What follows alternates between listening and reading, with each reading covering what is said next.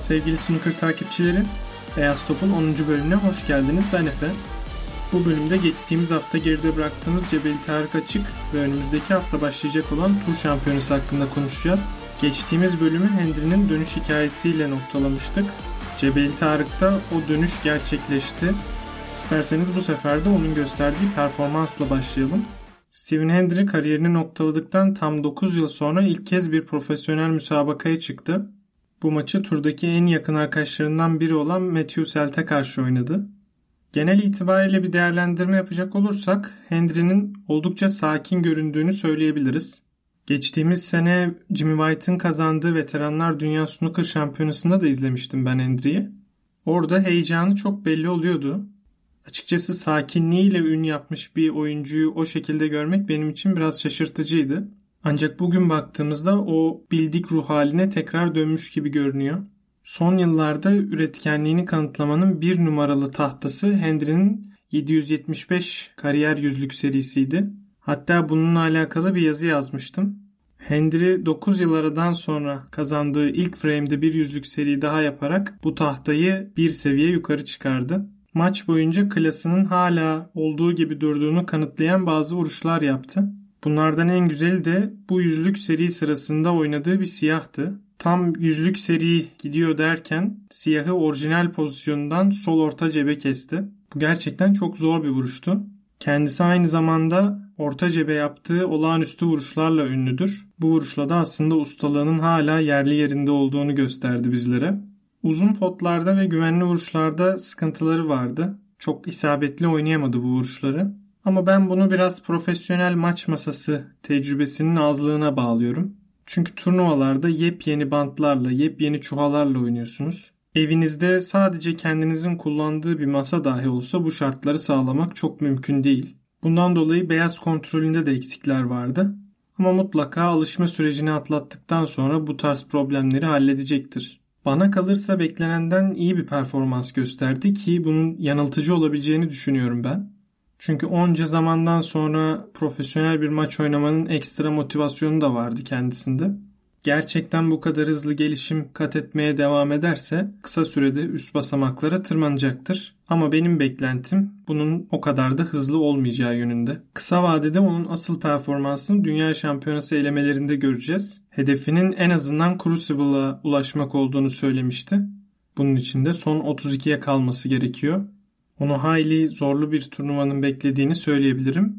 Ama kendisi gayet sıkı çalışıyor. Instagram üzerinden takip ediyorum. Umarım onu tekrar Crucible'da maç yaparken görme şansı buluruz.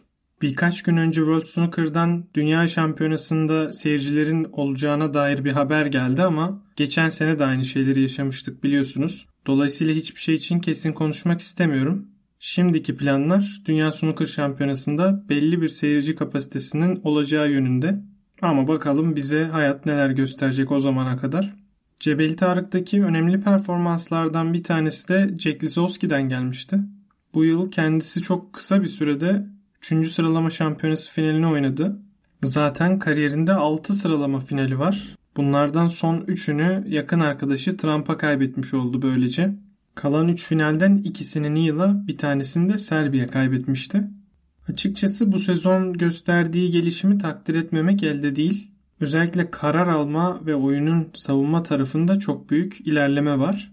Zaten uzun potlardaki maharetini konuşmaya gerek yok. Kumaşı belli, çok yetenekli bir isim olduğunu hepimiz biliyoruz. Kaybetme konusunda spor camiasında benim bugüne kadar gördüğüm iki net görüş var. Fakat bu görüşler birbirine zıt. Birincisi ve benim Türkiye'de daha çok duyduğum görüş kazanmak iyidir ama kaybetmeyi de bilmek lazım şeklinde olan. Bu öğreti kaybetmenin de normal bir şey olduğu, dünyanın sonu olmadığı ile alakalı. Bir diğeri ise ne olursa olsun kazanmak üzerine. Hatta bununla ilgili benim kafamda yer etmiş çok güzel bir söz vardır. Bu sözün sahibi Vince Lombardi der ki bana iyi bir kaybeden gösterin, size bir kaybeden göstereyim. Açıkçası herkesin kazanırken ya da kaybederken ki tarzı farklı olabilir. Bu subjektif bir konu. Burayı kesin çizgilerle çizmek istemiyorum. Sizin insafınıza kalmış bir şey. Ama benim Jack Lizowski'de gördüğüm şöyle bir şey var. Özellikle Cad'a karşı kaybetmekle alakalı bir sıkıntısı yok. Yani maç sonrası verdiği röportajlarda sürekli en iyiye kaybettiğini vurguluyor. Yani iki numara olmakta bir beis görmüyor. Açıkçası ben bunu çok doğru bulmuyorum kendi adına. Çünkü zaten bugüne kadar 6 final kaybettiğini ve kimlere kaybettiğini vurguladık. Oradaki isimlerin hepsi zaten o günün şartlarında en iyi olabilecek isimler. Bana kalırsa en iyi yenmeden zafer kazanmak çok mümkün değil bugünün şartlarında. Bakınız daha 2 ay önce Yan Bingtao 20 yaşında bir sporcu turnuva boyunca olağanüstü bir performans sergileyen Johnny Gins'i yenerek Masters'ı kazanmıştı.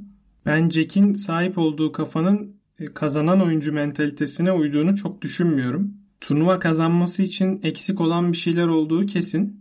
Ama bu eksik tekniğinde, yeteneğinde ya da ellerinde değil bence kafasında. Yanında bu kadar iyi bir örnek varken bence böyle bir görüşe sahip olması hiç doğru değil. Biraz cada bakıp kesinlikle ondan örnek almalı. Bence artık kaybetmeye razı olmamalı hiçbir şekilde. Bu kadar fazla Judd Trump demişken isterseniz bir de onun performansına bakalım. Koskoca turnuva boyunca toplam 3 frame kaybetti sadece Judd. Tabi kısa formatlı bir turnuva olmasının da bunda payı vardır. Biliyorsunuz her maç 7 frame üzerinden oynanmıştı. Ama yine de şu anki formuyla Judd Trump'ı durdurmanın çok mümkün olmadığını gördük. Kendisi hem turnuvayı hem de Bet Victor bonusunu kazandı. 2 senedir Cebeli Tarık'ı çifte zaferle tamamlıyor Trump. Bu da hem özgüvenine hem de cebine yansıyor. Bu zaferle birlikte sezonun 5. sıralama turnuvasını kazanmış oldu. Bundan sonra oynayacağı 3 sıralama turnuvası daha var. Bunlardan ilki Pro serisi. Tabi siz bu bölümü dinlerken Cad'ın Pro serisi macerası sona ermiş olabilir. Ancak şu an itibariyle devam ediyor.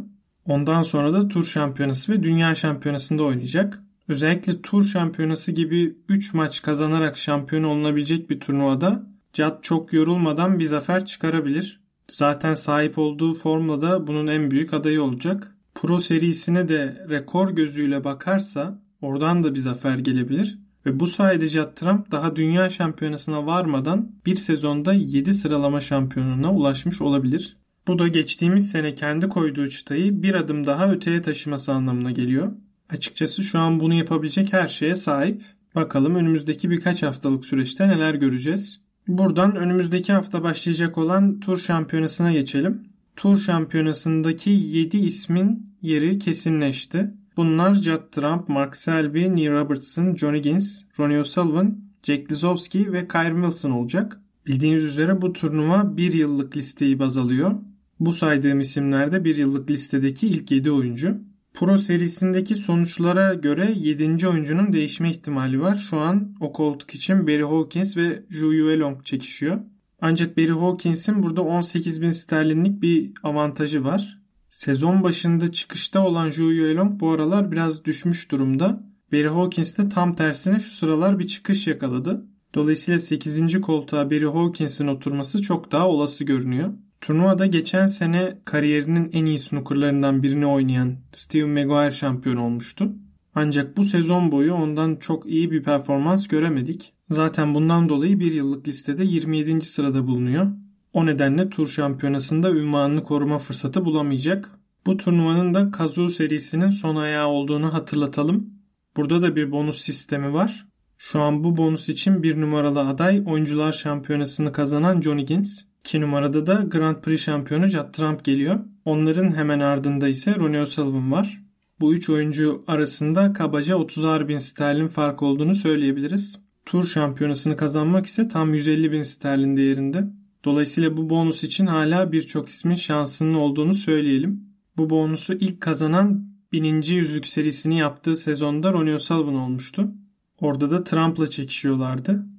Geçen sene bonusun en güçlü adayı yine Trump'tı. Fakat Maguire Tur Şampiyonası'ndaki sürpriz çıkışıyla Trump'ın elinden almıştı. Bu sene son ayakta favorilerden biri yine Trump. Üçüncü seferde bonus kupayı evine götürüp götüremeyeceği merak konusu olacak. Tur şampiyonası 22 Mart'ta başlıyor. 28 Mart'a kadar sürecek. Az önce bahsettiğim gibi sadece 8 oyuncu katılıyor. Toplamda 7 maç seyredeceğiz. Her gün bir maç şeklinde. Eurosport'tan da takip edebileceksiniz turnuvayı. Dolayısıyla izleme oranının yüksek olacağını tahmin ediyorum sizler tarafından. Şimdiden tur şampiyonası için iyi seyirler dilerim. 10. bölümü burada noktalayalım. Bir sonraki bölüm muhtemelen Dünya Şampiyonası elemelerinden önce gelir. Dolayısıyla biraz onlar hakkında konuşuruz. Belki Crucible'da oynanmış efsane maçlardan bahsederiz. Sizin de Dünya Şampiyonası özel bölümüyle alakalı önerileriniz olursa onları da almak isterim. Bana Instagram'da Red Black Snooker adresinden ulaşabilirsiniz. Bugünlük benden bu kadar. Görüşmek üzere, hoşçakalın. Snooker'la kalın.